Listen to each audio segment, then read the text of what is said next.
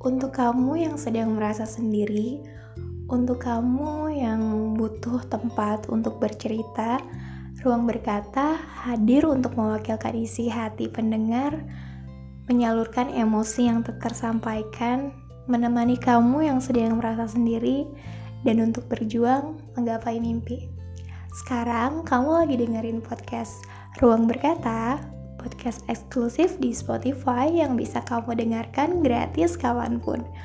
So, let's start a story.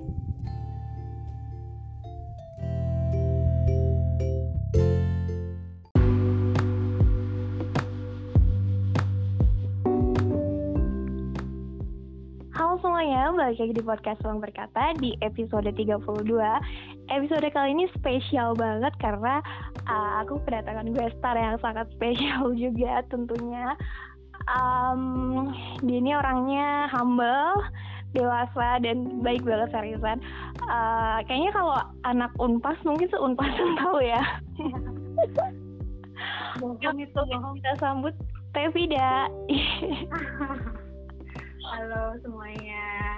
Halo Tevida, apa kabar? Finally Baik, alhamdulillah. Itu mohon maaf definisinya tadi yang awal itu salah semua ya. Ah, Jangan oke. percaya. Oke eh tapi tidak tapi serius nih aku tuh kayak eh udah lama banget menanti nantikan pengen podcast sama Tevide karena uh, you're my inspiration Wah, seriusan ya nggak sepi gini. Eh, aku dulu kenal Tevide itu dari Hima kalau nggak salah. Eh, makanya sebelum kemarin kita memutuskan untuk buat podcast buat ngobrol tapi dia bilang kan kayaknya asa aneh gak sih ngobrol sama orang yang belum pernah ketemu? Kan kita udah pernah ketemu teh. Oh dia ngobrol terus gak mungkin tapi dia tapi dia nggak tahu siapa aku gitu. Oh ya Allah jahat banget. Aku kayak apaan? Udah sih mungkin maksudnya hmm, eh, benar. Definisinya tadi tuh kayak aku berat. Maksudnya definisi kamu tentang aku mungkin eh, dari orang luar yang memang kenal aku sekilas. Jadi maksudnya kamu nggak tahu gobloknya aku ya. Maksudnya aku mungkin tidak sehumble itu dan tidak sebaik itu. Dari pandang luar. Kan iya. Nah mungkin itu juga ya. Per- mm, bukan karena Allah tuh dia beberapa kali bilang pengen ngobrol sama aku Mm. kita kalau nggak salah pernah sharing tentang kamu waktu itu kamu waktu itu galau antara konsentrasi ya maksudnya kita satu jurnal ada waktu itu. Mm-mm.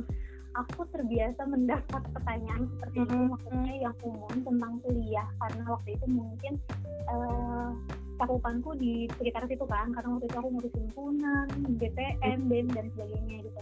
Ketika ke sini ke sini kita ngobrolin sesuatu yang lebih personal. yang lebih ya personal Aku, mm-mm, aku tuh agak kaget gitu karena aku tipe orang yang eh, mungkin kalau kamu tanya ke teman-teman aku tuh mereka tuh jarang denger aku cerita secara personal Ya kan, hanya beberapa cerita. orang gitu kalau orang kan ngeliatnya tuh eh, mungkin kayak ka- definisi kamu tadi ya di Hmm. Oh Vida sebenarnya banyak banget oh pasti cukup banget cerita ke sini gitu padahal kalau kamu tanya ke teman-temanku yang angkatanku teman-teman yang kamu lihat deket banget itu justru mereka akan tahu gitu kalau aku tuh orangnya jarang Hmm. cerita personal maksudnya tidak terbuka itu sama orang kecuali kalau aku udah kaya banget baru aku Baru. cerita. Mm, baru sekarang aku mulai terbuka sama kamu kayak pas kamu cerita tuh aku lebih kaget kayak ya ampun lu percaya gue segitunya kayak aku tuh nggak bisa kayak gitu makanya kamu serius mau cerita ini ke aku kamu serius karena uh, aku nggak tahu kamu secara personal dan makanya aku belum tahu lingkupmu gimana Hmm. sifatnya seperti apa. Takutnya uh, advice yang aku kasih itu akan melenceng beda sama kalau kita sering ketemu sering main. Aku kan udah mengenal ya maksudnya oh uh, dia orangnya kayak gini oh oke jadi tuh uh, ketika kamu cerita aku akan memberikan feedback yang menurutku memang pas, uh, bukan pantas mungkin masuk dan Hmm. sesuai sama kamu. Jadi bisa menyesuaikan gitu ya. Tuh, jadi panjang banget intronya. Harus diluruskan dulu di ntar tadi kayak oke. uh, Ah, apa sih? Gitu sih. Pokoknya aku apa- agak mungkin bisa dibilang enggak sesupel itu sebetulnya seperti apa yang kalian gambarkan Oke Tevida, anyway aku tuh sering banget lihat beberapa postingan Tevida di Instagram tentang self love. Nah, hmm. uh, ini berhubungan juga, tapi ini kayaknya lebih ke kebalikannya sih, kebalikan dari self love. Uh, nah kebetulan di episode kali ini aku mau ngebahas soal uh, eh, self harm. Nah sebelum kita bahas lebih jauh dulu nih, uh, kita uh, definisinya dulu apa sih sebenarnya? Uh, self harm itu simbolnya self harm ini uh, secara literal menyakiti diri sendiri ya tapi bentuknya banyak banget gitu. Hmm. banyak banget macamnya uh, ini ada beberapa definisi yang aku kutip dari artikel sehat.com. Jadi dia bilang self harm ini adalah tindakan menyakiti diri sendiri yang bisa terjadi karena masalah emosi. Self harm dilakukan pelakunya dalam beberapa bentuk seperti menyayat, membuat goresan, hingga membakar bagian tubuh tertentu. Ngeri banget ya. Kayaknya itu sih lebih ke bentuk ekstrimnya kali ya. Tapi kalau dari hal-hal simpelnya mungkin kayak sesimpel mogok makan, males makan tanpa sadari kita sadari itu tuh sebenarnya self harm juga gitu dan somehow kayaknya hidup berat banget ya. nah, okay. uh, sebenarnya salah satu alasan kenapa aku pengen bahas ini uh, di masa-masa yang sekarang tuh kayak di era milenial self love, self harm, mental health, masalah isu-isu kayak gitu lagi banyak banget diperbincangin kan. Uh, nah, kalau menurut Tevi dia sendiri nih, gimana sih pandangan Tidak tentang adanya uh, mungkin aku sebutnya ini fenomena kali ya fenomena self harm ini Oke, sebetulnya aku agak setuju kalau dibilang fenomena itu. Hmm. Kalau fenomena itu kan asalnya sesuatu yang terjadi uh, maksudnya kayak kejadian gitu kan. Kalau self harm itu kan sebetulnya mungkin kita ngomongin ini karena memang kita ada pada masanya kayak menurut penelitian di WHO kalau nggak salah kemarin aku baca tahun 2016 itu tingkat bunuh diri itu paling banyak memang di usia 19 kalau nggak salah pokoknya uh, sampai 29 tahun lah. Maksudnya kita sedang ada umur itu. Yeah. atau kata orang itu namanya tuh uh, apa? Uh, lagi masa pencarian jati diri lagi uh, kalau aku gambarkan adalah di umur kita yang mid 20 ini adalah kita sedang dituntut untuk untuk effort kita dikeluarkan sebanyak-banyaknya untuk menemukan diri kamu untuk pekerjaan untuk pokoknya memenuhi segala yang uh, lu butuhkan dalam hidup karena nanti 30 30 di angka 30 tuh kamu uh, akan menemukan hasilnya gitu. Jadi sekarang tuh kamu bisa kita dulu gitu. Tanpa disadari itu di masa kita sekarang yang umurnya seumuran kita akhirnya tuh uh, ya tadi uh, ada sedikit demi sedikit proses pencarian Hmm. Davida sorry aku potong bentar. Suaranya ke putus-putus kayak btw sorry kalau misalkan ini ya guys. Kalau recordnya virtual jadi iya. gangguan. Sorry. Nah oke. Okay. okay. Masih udah kedengeran belum sekarang suaraku udah udah lumayan. Udah udah ya? Lupa tadi supaya kamu ngerasa kepotongnya dari mana? Apa ya tadi uh, mid 20 uh, ya. masa-masa jati diri udah umur 30 tahun maksudnya kita selalu dibilang ke anak tuh udah tuh, oh, kamu tuh sekarang harus kerja keras, harus chat, cari tahu dulu, lu tuh sukanya apa, lu tuh orangnya gimana, karena kalau enggak lu nggak sukses nih di umur yang 30 tahun gitu kan. Jadi kayak kita tuh dapat pressure itu uh, untuk self discovery, untuk career discovery, how to be successful. Uh, nanti itu kita nyarinya sekarang gitu, udah tanpa disadari pressure yang besar itu tuh uh, bisa menimbulkan tadi mungkin anxiety, terus akhirnya juga ada self harm. Uh, sebenarnya itu bukan fenomena tapi menurutku adalah cycle dalam hidup yang pasti semua orang tuh rasain sebetulnya. Pasti gitu karena maksudnya itu wajar gitu. Kita tuh uh, ada di masa untuk mencari jati diri kita sekarang. Jadi kayak lebih kenal diri sendiri. Ada sesuatu yang mungkin bisa kita terima ada sesuatu yang mungkin bisa kita nggak suka atau tidak terima kalau oh ternyata gue tuh kayak gini gitu dan kadang itu akhirnya perangnya bukan sama diri sendiri tapi perangnya adalah dengan sosial gitu dalam lingkungan sosial ketika kita uh, dalam perjalanan mencari uh, jati diri atau mencari uh, tujuan kita tuh sebenarnya hidupnya di mana sih sebenarnya gitu. Kayak misalkan uh, contohnya ya kayak self harm yang paling sering dialami cewek mungkin dan dulu juga pernah aku rasain itu adalah salah satunya mungkin body shaming gitu kan hmm. ketika kita tidak memenuhi kriteria uh, orang bukan orang kriteria masyarakat hmm. kriteria sosial bahwa lu tuh tidak proporsional lu tuh nggak cantik lu tuh uh, misalkan lu tuh kurang ini lu tuh gendut lu tuh ini akhirnya uh, ketika kita sedang membentuk dan mencari siapa kita sebenarnya terus orang bilang lu tuh uh, salah, lu tuh tidak sesuai dengan uh, ekspektasi kita, lu tuh tidak sesuai dengan definisi sosial, maka uh, itu kan membuat kita frustasi kan. Jadi kayak oh, oke okay, berarti gue salah, oh, oke okay, berarti gue harus uh, menemukan uh, apa? Berarti gue harus mencapai ekspektasi yang diharapkan sosial gitu. Akhirnya akan ada self harm. Contohnya misalkan uh, sebetulnya mungkin uh, gue ngerasa badan gue tuh memang tidak maksudnya definisi cewek proporsional misalkan hmm. badannya harus terbentuknya kayak gitar Itali yang kata orang gitu kan. Yeah. terus kayak hmm, terus kayak misalkan contohnya kayak uh, fisikku tuh memang cabi gitu. Mm. uh, how many time I tried untuk diet atau gimana pun nggak bisa coy gitu kan. Kayak sampai kayak temenku udah bilang berat badanmu berapa? gitu kan waktu itu 50 kok uh, cabi banget nah emang nggak bisa gitu. Ada temenku yang sama juga dia cabi gitu kan. Mm ada satu masa yang misalkan gue ngerasa oh saya berhasil. Mungkin gue tuh gendut gitu kan. Oke kita diet. Eh pas diet. Ternyata tidak berhasil karena kita udah diet tapi masih orang masih bilang uh, kita tuh belum mencapai proporsional hmm. berat badannya mereka gitu kan. Ada banyak banget cewek yang akhirnya ketika makan mereka merasa bersalah.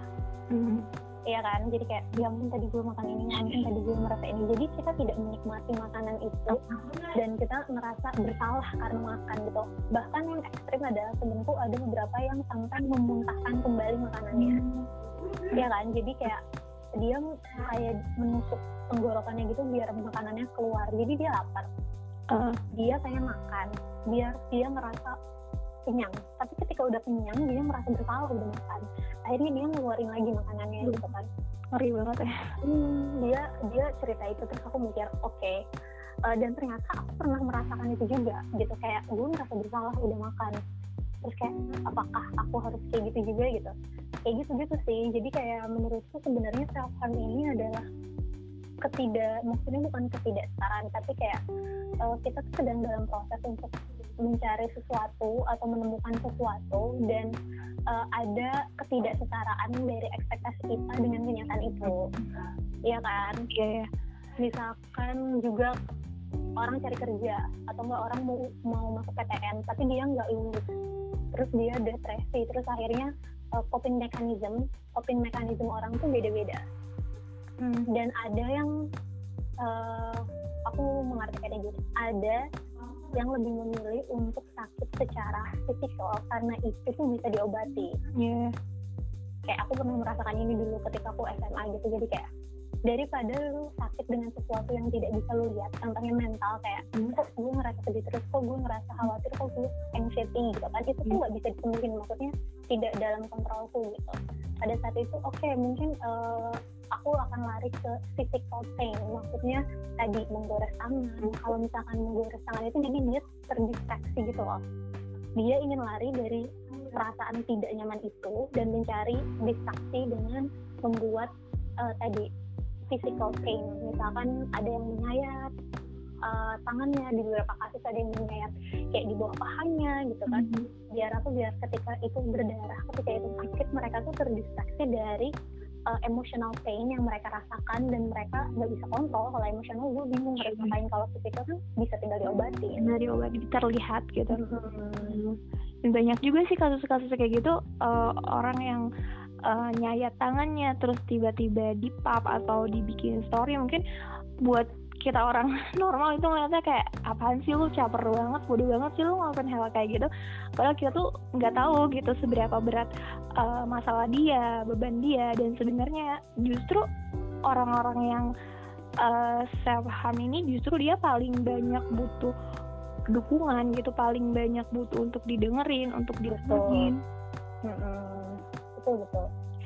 Dan emang bener juga sih masa-masa uh, kita kan sekarang 20 umur 20 ke atas itu uh, masanya kita untuk growing up untuk mencoba berbagai banyak hal. Karena gini loh ibaratnya kita tuh masih 20 masih sendiri belum nikah. Jadi kalau misalkan kita gagal di umur 20 ke atas kita kita tuh gagalnya nggak sendirian gitu. Beda kasusnya kalau misalkan kita udah nikah kita udah ada tanggung jawab anak udah ada tanggung jawab suami. Jadi selagi umur kita masih muda gitu hmm. emang masa-masa yang paling cocok untuk kita nyoba segala hal sampai akhirnya kita nemuin oh kita cocoknya di sini. Oh kita sukanya ini. Oh yang gak kita hmm. ini gitu kalau kata orang mungkin ini adalah quarter life crisis ya hmm. maksudnya kehidupan maksudnya masa-masa krisis kita tuh memang darahnya di umur segini hmm. gitu kan uh, dan banyak ekspektasi yang mungkin kita harapkan kayak dulu tuh lu sekolah lu kuliah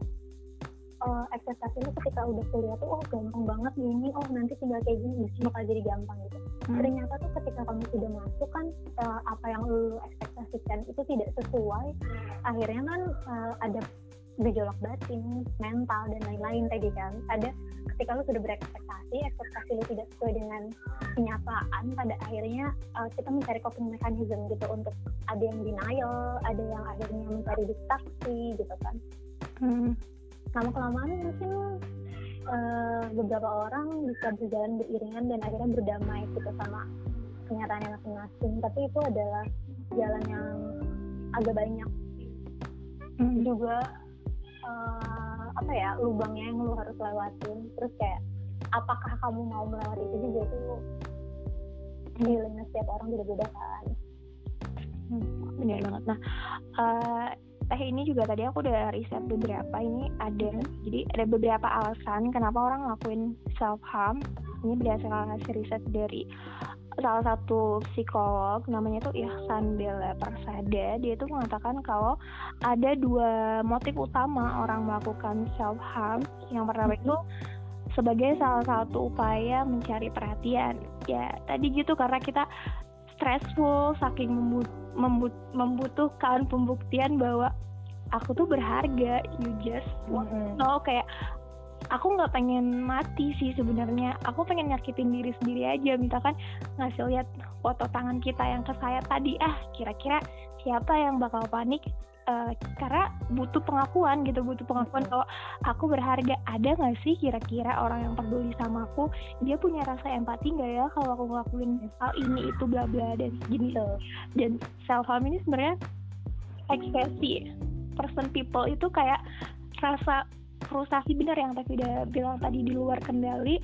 Uh, kita nggak bisa kontrol itu dan semakin mungkin awalnya dari dari hal kecil kita tanpa alat gitu kayak sepel mukulin diri sendiri atau benturin kepala.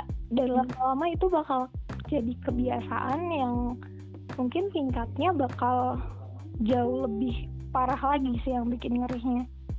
Gitu eksistensi. Aku tuh seneng banget ngobrolin masalah ini.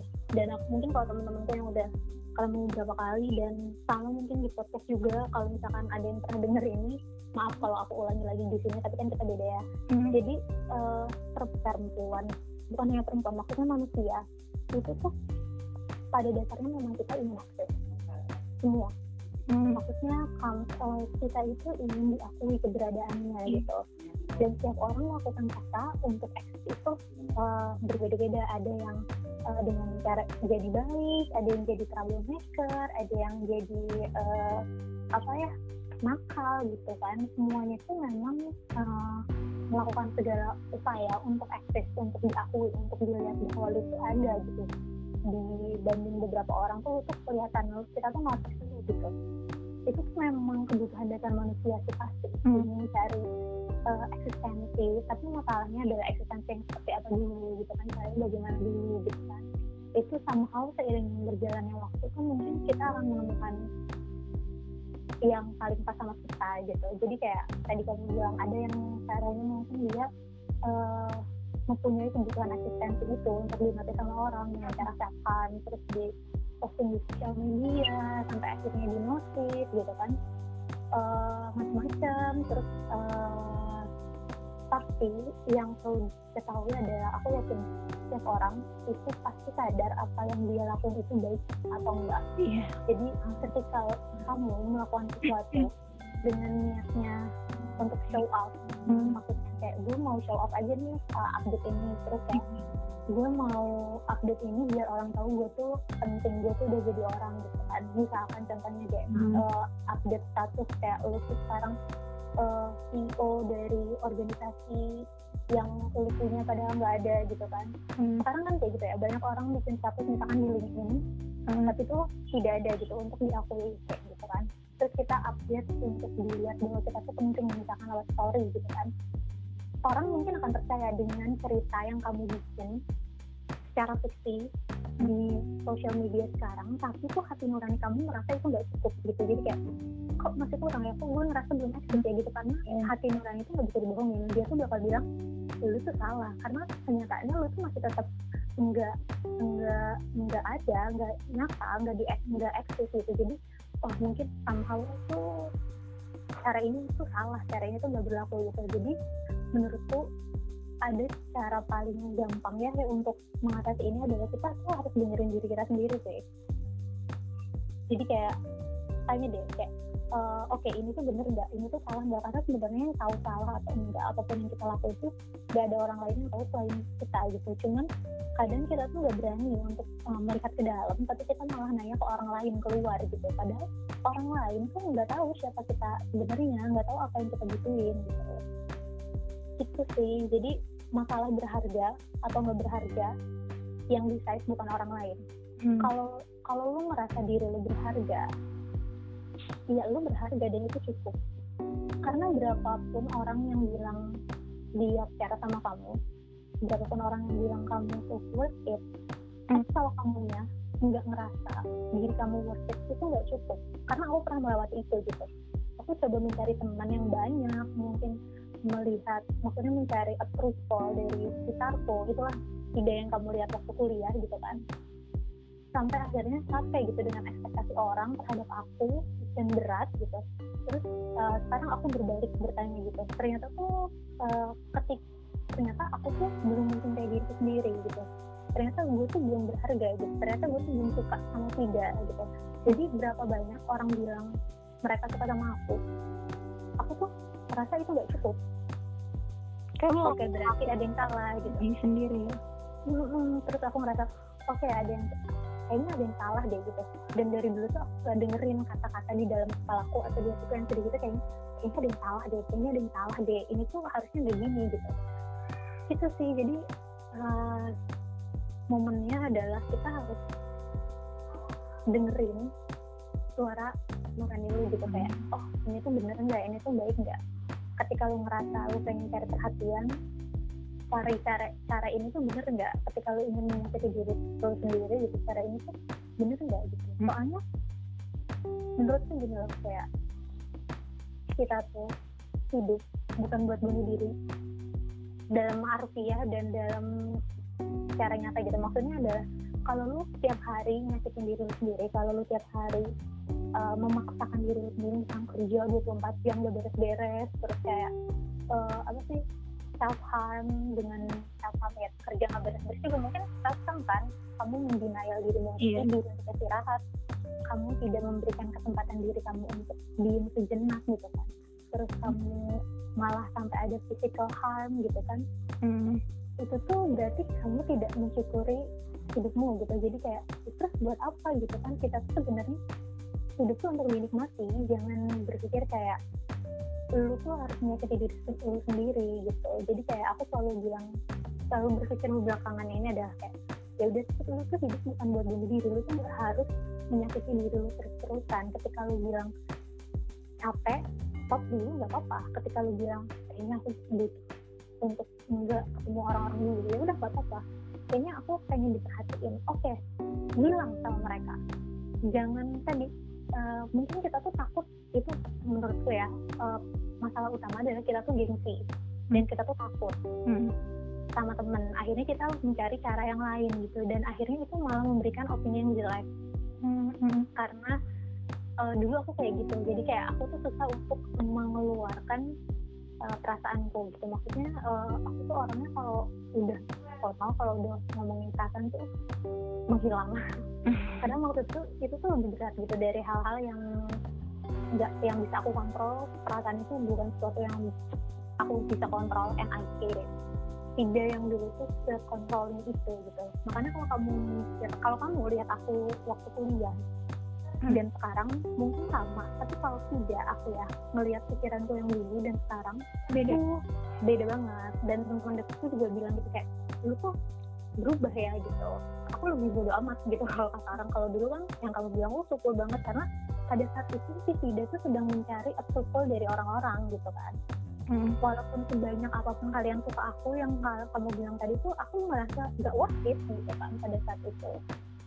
Itu jadi kalau kalian ngerasa butuh perhatian kalau kalian ngerasa bilang aja gitu. bilang aja kayak ke temen kamu ke temen deket kamu atau siapa kayak eh kayaknya aku butuh waktu buat ngobrol deh. Eh aku mau cerita deh. Eh aku butuh waktu kamu dong untuk uh, diperhatiin gitu. Ngomong aja jangan pakai cara-cara yang menurut lu tuh akan bisa menarik mereka tapi melukai diri lo gitu. Karena orang itu bukan cenayang kalau gue bilang mm. Iya kan maksudnya kayak lu tuh tidak bisa ekspektasi orang untuk mengerti lu ketika lu nggak ngomong apa yang lu mau gitu kan. Iyalah bener kan? Ya misalkan aku tuh berharap dia tuh ngerti aku loh. Kayak aku tuh gak mau gitu ngomongin ini gitu lah.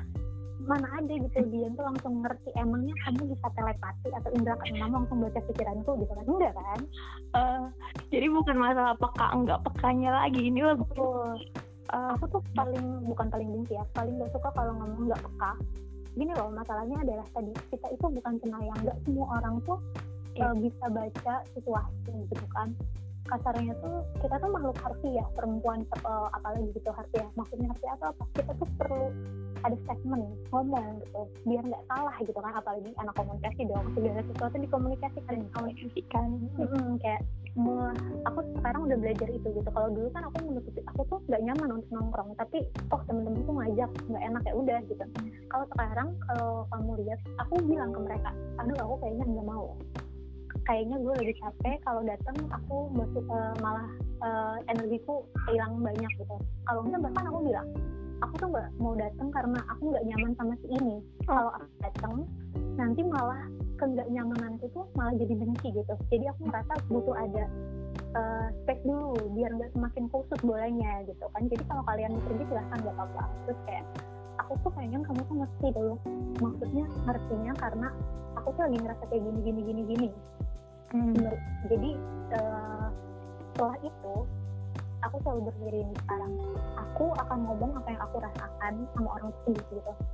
Setelah itu apa pun yang mereka lakukan berarti ada di tangan mereka kan? Mm. apa pun tangan mereka itu karena I do my part for telling them what I feel and what I expect to them gitu kan. Kayak aku ber, aku tuh berekspektasi dia tuh sekarang ngomonginnya tuh tentang uh, self love loh. Ya aku akan bilang oke okay, Dian kita hari ini mau ngomongin apa? Gitu kan. Gimana kalau ngomongin ini aja? Aku sih kayaknya eh, uh, bakal nyambung kalau ngomongin di sini gitu kan. Hmm. itu kan lebih enak ya. Hmm. kayak oh aku tahu dulu nih uh, memang aku udah lihat nih podcastnya Dian kayak gimana. Hmm. ketika aku nggak ngomong terus tiba-tiba kamu ngomongin tentang data sains atau dan lain-lain lah kok kamu tuh nggak kasih Dian? Aku tuh kan bukan ngomongin di situ nggak bisa gitu kan? Ya. maksudnya kayak makanya ngomong gitu. Makanya tadi jangan takut untuk mengutarakan apa yang kamu rasakan dan apa yang kamu harapkan dari seseorang ataupun orang-orang sekitarmu gitu. Karena kalian akan kaget gitu kalau betapa pengertiannya mereka ketika kamu menyatakannya dengan baik-baik gitu. Mm-hmm. misalkan kayak aku kayaknya butuh temen deh yuk kita ngopi gitu kan. Mereka tuh akan oh oke okay, gitu kan. Aku kayaknya butuh ditengokin deh datang dong ke rumah gue lagi ada masalah gitu kan. Oh oke okay. kan orang jadi ngerti kan oh dia lagi butuhin gue gitu kan. Oh dia lagi butuh ini gitu kan. Jadi jangan takut gitu untuk menyatakan perasaanmu karena nggak apa-apa gitu. Uh, dan itu menurutku lebih baik daripada melakukan hal-hal yang menurut kamu akan menarik atensi orang lain terhadap kamu tapi ternyata justru orang lain tuh malah salah mengartikan kan tadi salah menafsirkan hmm. kode-kode itu. Apalagi ada yang self harm jangan sampai. Jadi itu nggak apa-apa.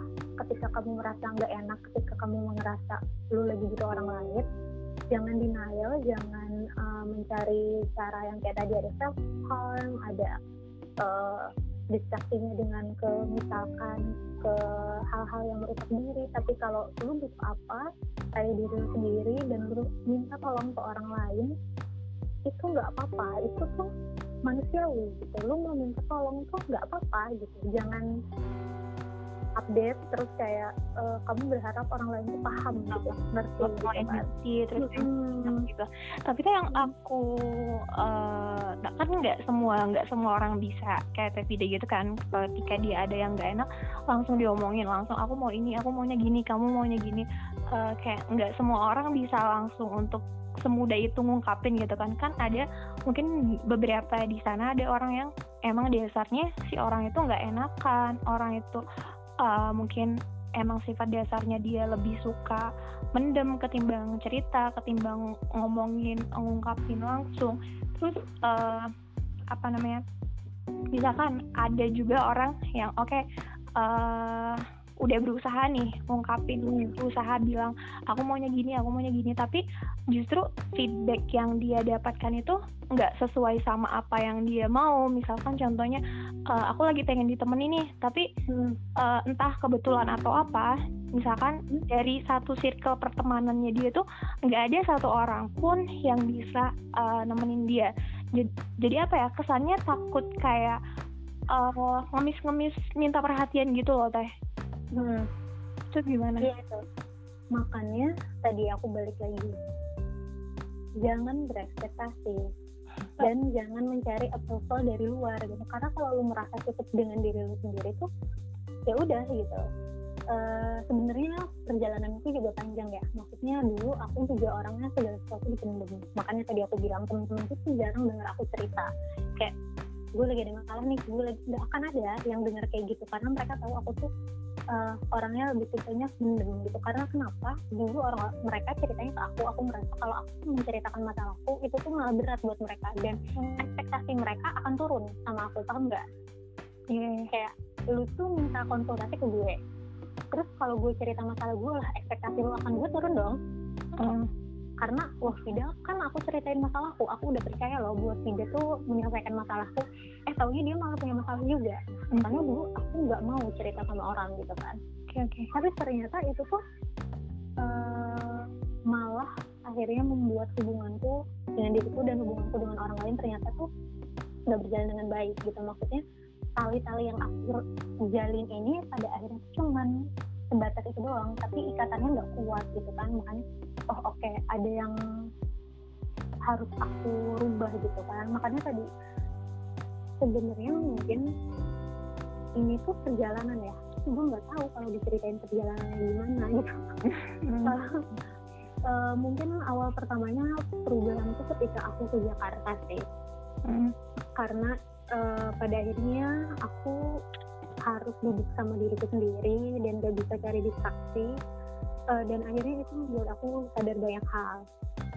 Mungkin ini juga yang paling hmm, impact besar itu adalah uh, setiap orang punya punya cara untuk feeling masing-masing gitu kan. Hmm. kayak yang tadi kamu bilang gimana caranya kan? Saya kan nggak nggak bisa nggak semua orang kayak uh, aku gitu kan sekarang. Justru aku pun nggak kayak aku sekarang gitu.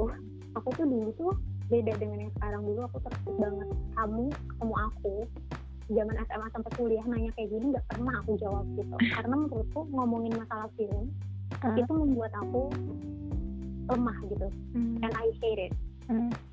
dan aku tuh nggak mau orang tuh melihat titik lemahku aku tuh nggak mau orang lain tuh ekspektasinya turun mm. aku tuh mencoba menjaga itu video yang dulu tuh dan itu tuh capek ketika menjaga kayak gitu. Jadi untuk kalian yang kayak mencari approval orang lain menjaga ekspektasi orang aku tahu itu tuh capek. Makanya berhenti nggak usah nggak usah kayak gitu. Karena seberapa pun kamu lakuin itu tuh gak akan ada cukupnya gitu. Akhirnya titik baliknya mungkin adalah ketika pandemi ini terus aku tuh sekarang lagi ikut uh, yoga sama meditasi. Kalau yoga udah lama yoga dan meditasi dan ternyata itu mengubah aku cukup banyak mengubah pola pikirku cukup besar gitu di hal-hal tersebut. Mungkin baca buku juga gitu kan uh, karena menurutku uh, aku gini nih gue lagi butuh apa? Gue lagi butuh misalkan oh ini kayaknya emosional aku lagi gak gitu. Terus aku cari buku yang memang menurutku bisa membantu. Terus kayak oke okay, gue lagi butuh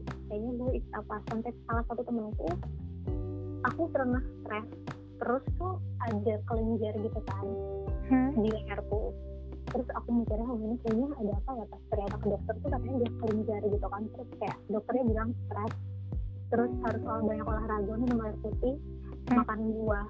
Terus aku share kan ke temen-temenku. Terus mereka malah bilang wah itu mah kerjaan lu tiap hari makan buah olahraga minum sehat gitu. Kenapa bisa itu? Ternyata stresnya itu loh. Yeah. jadi maksudnya kadang tuh uh, kita stres tapi itu kita tidak bilang makanya lu mencoba denial untuk lu stres tapi tuh badan lu tuh akan menunjukkan bahwa sudah cukup lu stres gitu dan iya. kita harus dengerin dengerin tubuh kita gitu ketika mereka bilang ini tuh kayaknya udah cukup deh istirahat dulu gitu kan kadang kita bilang enggak kau nggak stres enggak aku biasa aja gitu hmm.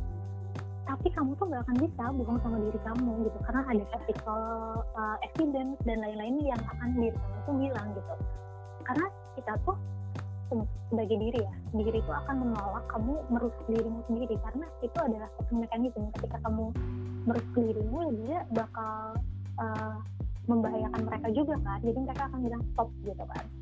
Akhirnya si meditasi yoga ini tuh mengubah aku banyak. Jadi uh, kalau dalam meditasi atau mungkin kalian sekarang lagi banyak ngomongin mindfulness gitu kan kalau aku ngomongin mindfulness itu keberatan. Mungkin kalau aku lebih mendefinisikannya kalau lebih ke awareness thing maksudnya. Hmm. kenapa diganti yang jadi verb itu kayak karena ini kata kerja ya maksudnya.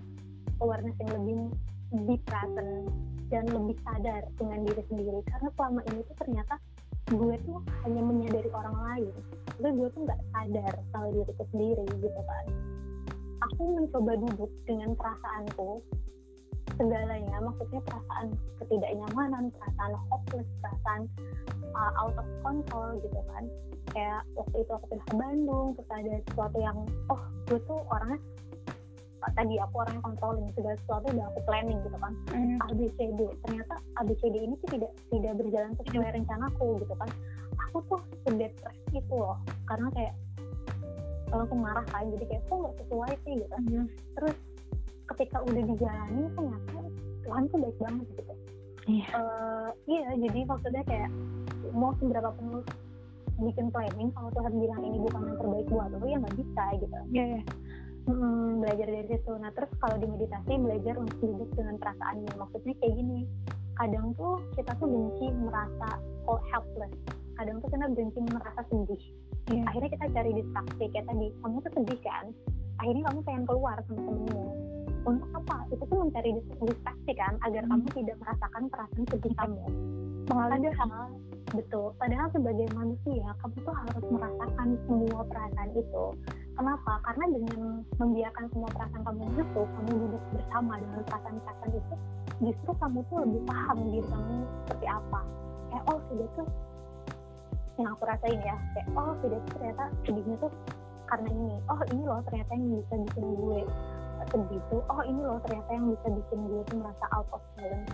Karena aku duduk dan mencoba merasakan segala hal yang memang gue rasain dengan tidak mencari distraksi ke coffee shop atau nongkrong kafe ke untuk menghilangkan perasaan itu gitu. Yang harus aku lakuin ternyata itu duduk dan biarin segala perasaan itu masuk walaupun gak enak ya nggak apa-apa tapi aku jadi lebih kenal diri sendiri gitu. Hmm. dan jadi bisa berdamai gitu. Karena memang kita ya harus duduk sama yang membedakan manusia sama makhluk lain itu dari otak dan perasaan yang menurut gue yeah. makanya ketika lu merasa berbagai hal itu walaupun itu nggak enak jangan cari distraksi tapi rasain. Karena ketika when you feel the pain the anxiety the pressure you become becoming kalau kata uh, Glennon Doyle dalam bukunya yang becoming aku baca bukunya Glennon Doyle yang becoming mm dia bilang kayak gini jadi kayak kamu tuh harus duduk sama perasaanmu biarin segalanya masuk gitu perasaan-perasaan yang gak enak itu stres takut fear. Dan ketika lu duduk itu tuh berat banget. Hmm. dan ketika hidup berat bukan berarti lu salah. Bukan berarti cara yang lu lakukan salah. Hanya saja memang untuk menjalankan hidup dengan benar itu gak mudah gitu. Jadi berat gitu. Hmm. bukan berarti lu salah gitu. Ya setelah ketika lu ngerasain tuh jadinya berat gitu. Nah kalau udah terbiasa tuh merasakan semuanya dan mencari nggak cari distraksi kamu belajar memahami dan akhirnya bisa mengkomunikasikannya dengan baik sih. Aku belajarnya dari situ. Jadi kayak oke okay, uh, eh, aku lagi stres tidurin aja jangan cari distraksi ke luar sana gitu. Aku duduknya kenapa sih stres itu beneran itu membantu loh? Iya lewat meditasi dan lain-lain. Pada akhirnya ya balik lagi ke diri kita sendiri sih yang bisa ini uh, karena kalau misalkan kita ambil oke okay, kita ambil option kita nongkrong sama teman atau kita ngelakuin hal itu lain ini itu segala macam. Dan itu tuh hmm. sifatnya sementara gitu. Betul. Tapi memang masalahnya tuh gimana cara mengendalikan diri itu kan masalahnya hmm, gimana pun iya kan? Dan caranya itu gimana? Yang susah gitu kan? Kita bisa aja ngomong kita bisa aja ngomongin tentang satu di mana-mana tapi kamu tidak iya. yeah. um, mengimplementasikannya gitu kan? Kayak gue juga dalam satu titik pasti ada saat-saat yang aku capek pasti. Iya. Ya kan? Tapi tiap hari kita berusaha untuk tidak melakukan itu gitu. Jadi kalau ngomongin cara yang benar yang mana itu tuh uh, mungkin macam-macam. Cuman mungkin dan uh, berhasilnya setiap orang itu beda-beda gitu. Kayak uh, aku mengasih referensi saya cari distraksi bukan cari distraksi cari cara yang baik menurut kita masing-masing. Cuman aku menemukannya dengan di tadi meditasi dan yoga ataupun baca gitu kan. Karena ternyata kan kalau orang mikirnya kayak apaan sih duduk diem? Mm. nggak ngapa-ngapain capek gitu kan. Aku mikirnya kayak gitu. Maksudnya aku adalah orang yang nggak bisa diem. Terus ketika mikirin meditasi tuh kayak apa sih gitu kan. Terus awalnya aku cobanya yoga terus temenku waktu itu bilang cobain deh aku ikut Yu.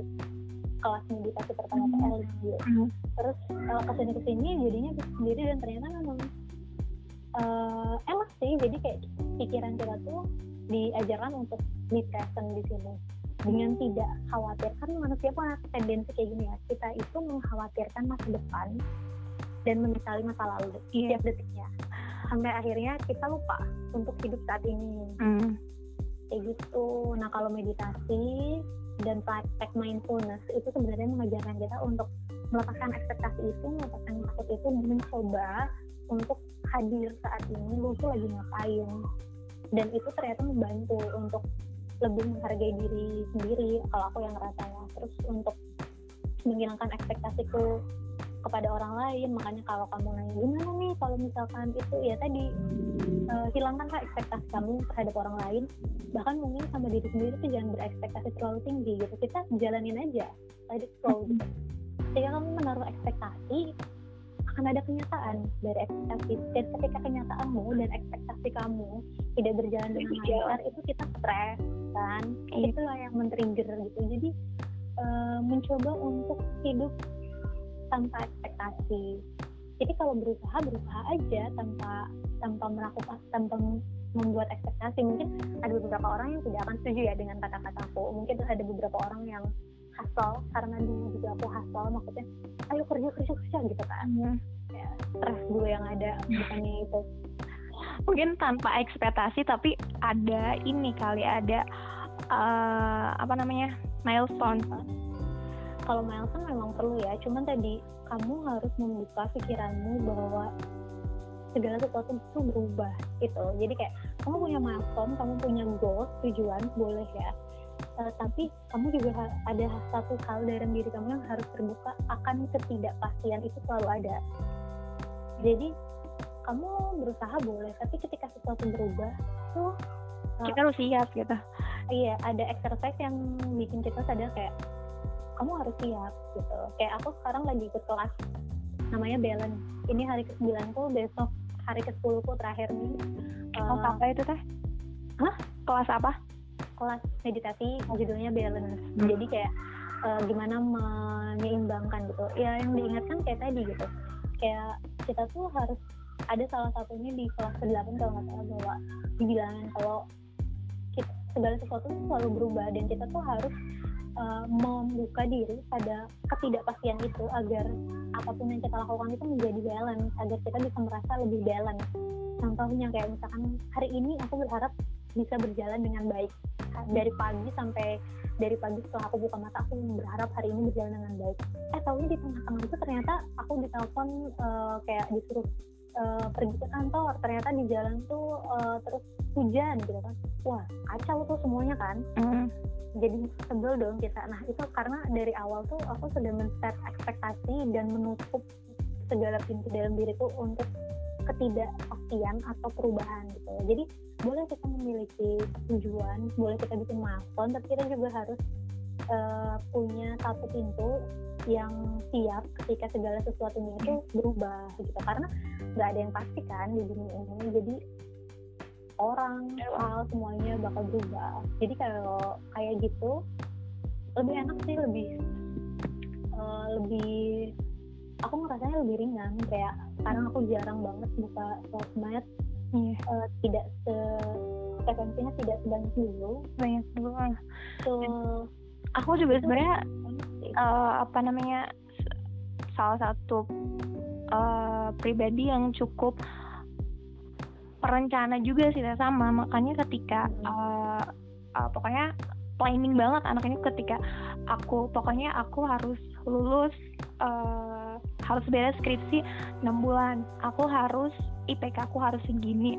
Sebelum wisuda aku harus sudah dapat kerja harus ini itu segala macam selain itu udah aku bikin jauh-jauh hari sebelumnya dan ternyata ya benar tadi kita nggak bisa kita nggak bisa prediksi bakalan ada rintangan apa ketika kita melalui proses itu dan ternyata ketika aku udah berhasil oke okay, skripsiku kelar 6 bulan. Ternyata pas udah masuk sidang akhir nih teh sidang itu ditunda sampai dua bulan tiga bulan eh ya ditunda. Harusnya aku tuh sidang itu udah bulan sidang akhir bulan Desember. Eh enggak pokoknya tuh udah biasa kan seperti biasa. Seperti itu cuman gara-gara pandemi ini gara-gara pandemi ini kan di luar ekspektasi banget ya. Wah iya. tiba-tiba ada pandemi terus wisuda wisuda yang awalnya aku expect oke okay, bulan Maret aku harus wisuda. Udah harus wisuda. Ternyata sidang akhir aja belum bulan Maret. Terus aku tuh baru sidang bulan April. Wisuda. Oh, jadi wisuda tuh baru kemarin gelombang saat itu September eh enggak hmm. Oktober apa ya. Nah, aku juga kebetulan nggak ikut juga. Ya nggak tahu ada beberapa pertimbangan yang akhirnya ya udahlah nggak apa-apa nggak usah ikut wisuda dulu gitu. Padahal itu salah satu momen yang dinantikan dan uh, apalagi orang tua udah nanyain gimana udah ada info wisuda belum? Udah ada nanya, hmm. nanya. Nggak apa-apa nggak apa-apa. Hmm. aku juga satu tahun lebih kok nggak wisuda. Nggak apa-apa. Oh iya aku juga nggak ikut wisuda ya? Iya. Uh, aku tuh baru tahu ya Habib.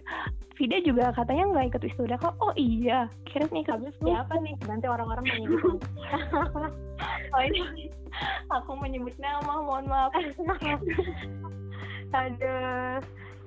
Iya sih ya kayak tadi kan kadang ya banyak kita tuh ada experience dalam hidup yang justru tuh kalau kita lihat tuh bisa merubah kita gitu kan.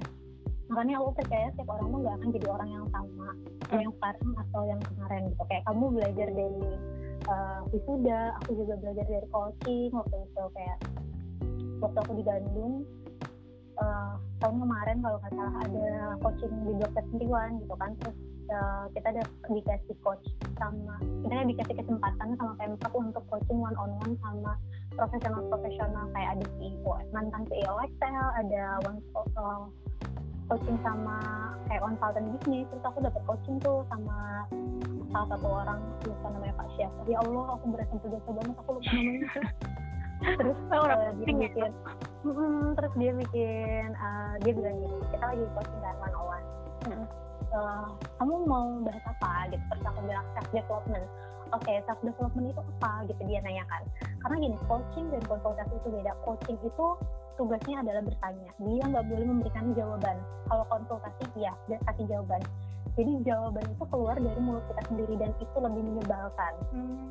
karena lu tahu jawabannya gitu. Jadi si kucing ini punya kemampuan untuk menarik pertanyaan-pertanyaan tertentu dalam diri kita yang kita udah tahu jawabannya gitu. Kalau konsultasi itu kita yang dikasih jawabannya kan. Nah jadi coach.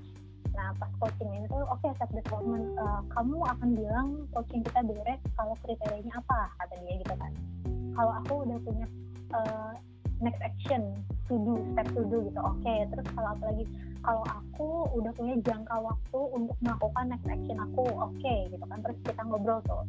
Terus kayak oke kita udah bikin nih kata dia kan gitu. Ada pertanyaan-pertanyaan. "Eh, oke kita udah bikin nih Eh, kamu udah punya planning ini dalam jangka waktu sekian gitu kan. Iya. udah oke nih. Sekarang kata bapaknya "Eh, kalau misalkan planning ini gagal apa yang kamu lakuin? Aku mikir oh plan B dong plan B. Eh tapi kita evaluasi dulu pak gitu kan. Oke katakanlah plan B kamu gagal kita ngapain? Dia bilang gitu. Hmm, terus aku mikir dong gue bisa aja bikin plan C sampai Z Hmm. yang tidak berhasil. Terus aku balik lagi ke A gitu kan. Ah, terus aja muter dong. Hmm. terus aku bilang pas pas. Terus bapaknya nanya kenapa kamu bilang pas nyebelin banget kan? Dia nanya mulu. Kenapa kamu bilang pas pas hmm, karena ternyata kadang kita tuh punya planning tapi Tuhan tuh bilang itu tuh bukan planning untuk bukan yang terbaik untuk kamu. Yang terbaik buat kamu tuh ini gitu. Dan ternyata somehow yang Tuhan kasih itu jalannya adalah sesuatu yang kamu butuhkan gitu kan. Kenapa kamu bisa bilang kayak gitu? Dia nanya gitu kan. Terus aku bilang karena balik lagi ke Bandung it's not part of my plan aku bilang gitu kan Hmm. tapi ternyata aku bertemu sama orang-orang hebat gitu ketika aku pulang ke Bandung aku dapat Hmm. mentor aku punya working aku dapat eh, experience yang lebih banyak dan aku bisa berdamai dengan diri sendiri karena ternyata aku punya tendensi untuk lari Iya. Dari SMA aku masuk ke kuliah yang orang-orang yang gak aku kenal. Terus aku lari ke Jakarta yang lebih baru gitu. Aku tuh punya tendensi ketika aku merasa aku tidak uh, improve di situ aku cari tempat baru. Dan itu ternyata nggak bagus gitu. Dan di Bandung tuh adalah mimpi terburukku maksudnya kayak gue tuh benci banget dulu ya. Kalau pulang ke Bandung karena aku harus dihadapkan dengan video dulu gitu yang aku suka gitu kan. Hmm. dan ternyata kemarin tuh momennya pulang ke Bandung tuh aku malah bisa berdamai dengan hal itu. Jadi aku kayak Tuhan tuh bilang oke kamu kayaknya harus pulang Bandung dulu ada yang belum selesai selesaiin gitu kan. Makanya aku bilang ternyata tuh ini tuh yang aku butuhin memang nggak ada di dalam planningku gitu. Terus dia bilang oke gitu kan. Aku mikir ya terus aku nangis tau. Iya itu emang nggak tahu kenapa tiba-tiba uh, aku nangis terus bapaknya bilang gitu it uh, self development itu adalah perjalanan seumur hidup tadi ya. Makanya kalau kamu bilang eh, uh, gimana? Kan uh, kita tuh nggak semuanya kayak gitu gitu. Tapi kalau kita mau belajar dan mencoba memahami lagi diri sendiri nggak cari distraksi tapi lebih oke gue maunya apa? Oh gue lagi kayak gini gitu. Dia bilang it uh, self development ini adalah perjalanan seumur hidup gitu kan. Yang nggak akan beres sampai lu mati gitu kan. Iya. dan ini tuh kayak ngupas bawang kita itu ngupas lembar demi lembar untuk dapet uh, essence-nya si inti dari si bawang ini tuh gimana gitu. Dan kamu tahu apa yang kamu butuhin untuk buka bawang? Gini gitu Hmm. mikir pisau.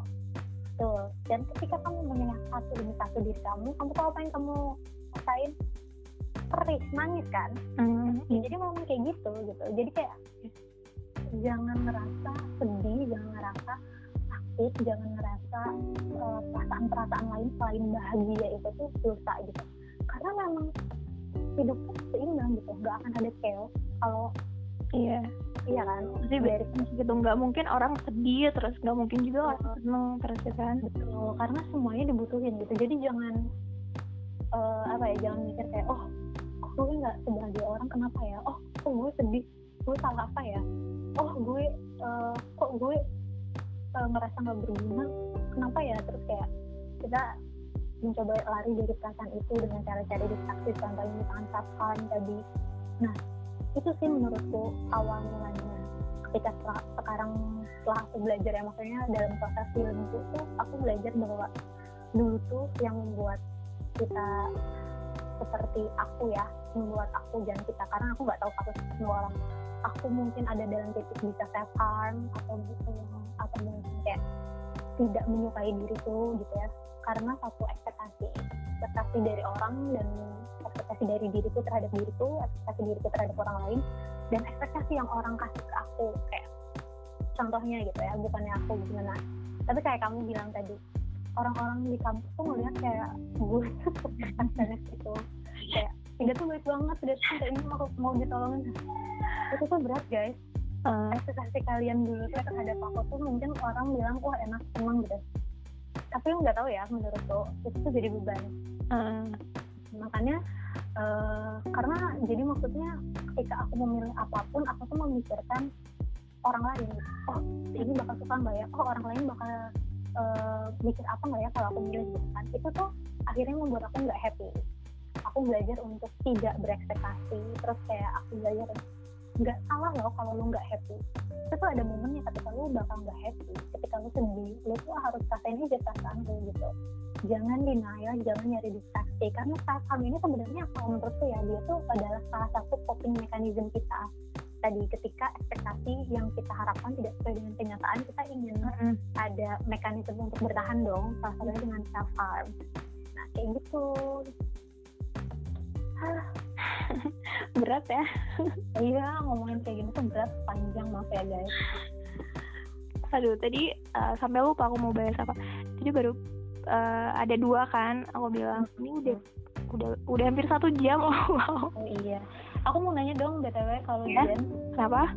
Hmm, kalau kamu nih hmm? pernah nggak merasakan uh, bukan proses ya mungkin kayak ada self harm atau momen di mana itu tuh lu tuh ter, ter pernah melakukan atau tergoda untuk melakukan. Sering banget. Jadi sebenarnya konten-konten podcast aku ini jujur memang berangkat dari keresahan sih dan salah oh. satu alasan juga kenapa aku bahas ini karena ya ini juga salah satu uh, keresahan yang aku alamin ini sebenarnya nyambung sama poin kedua sih uh, aku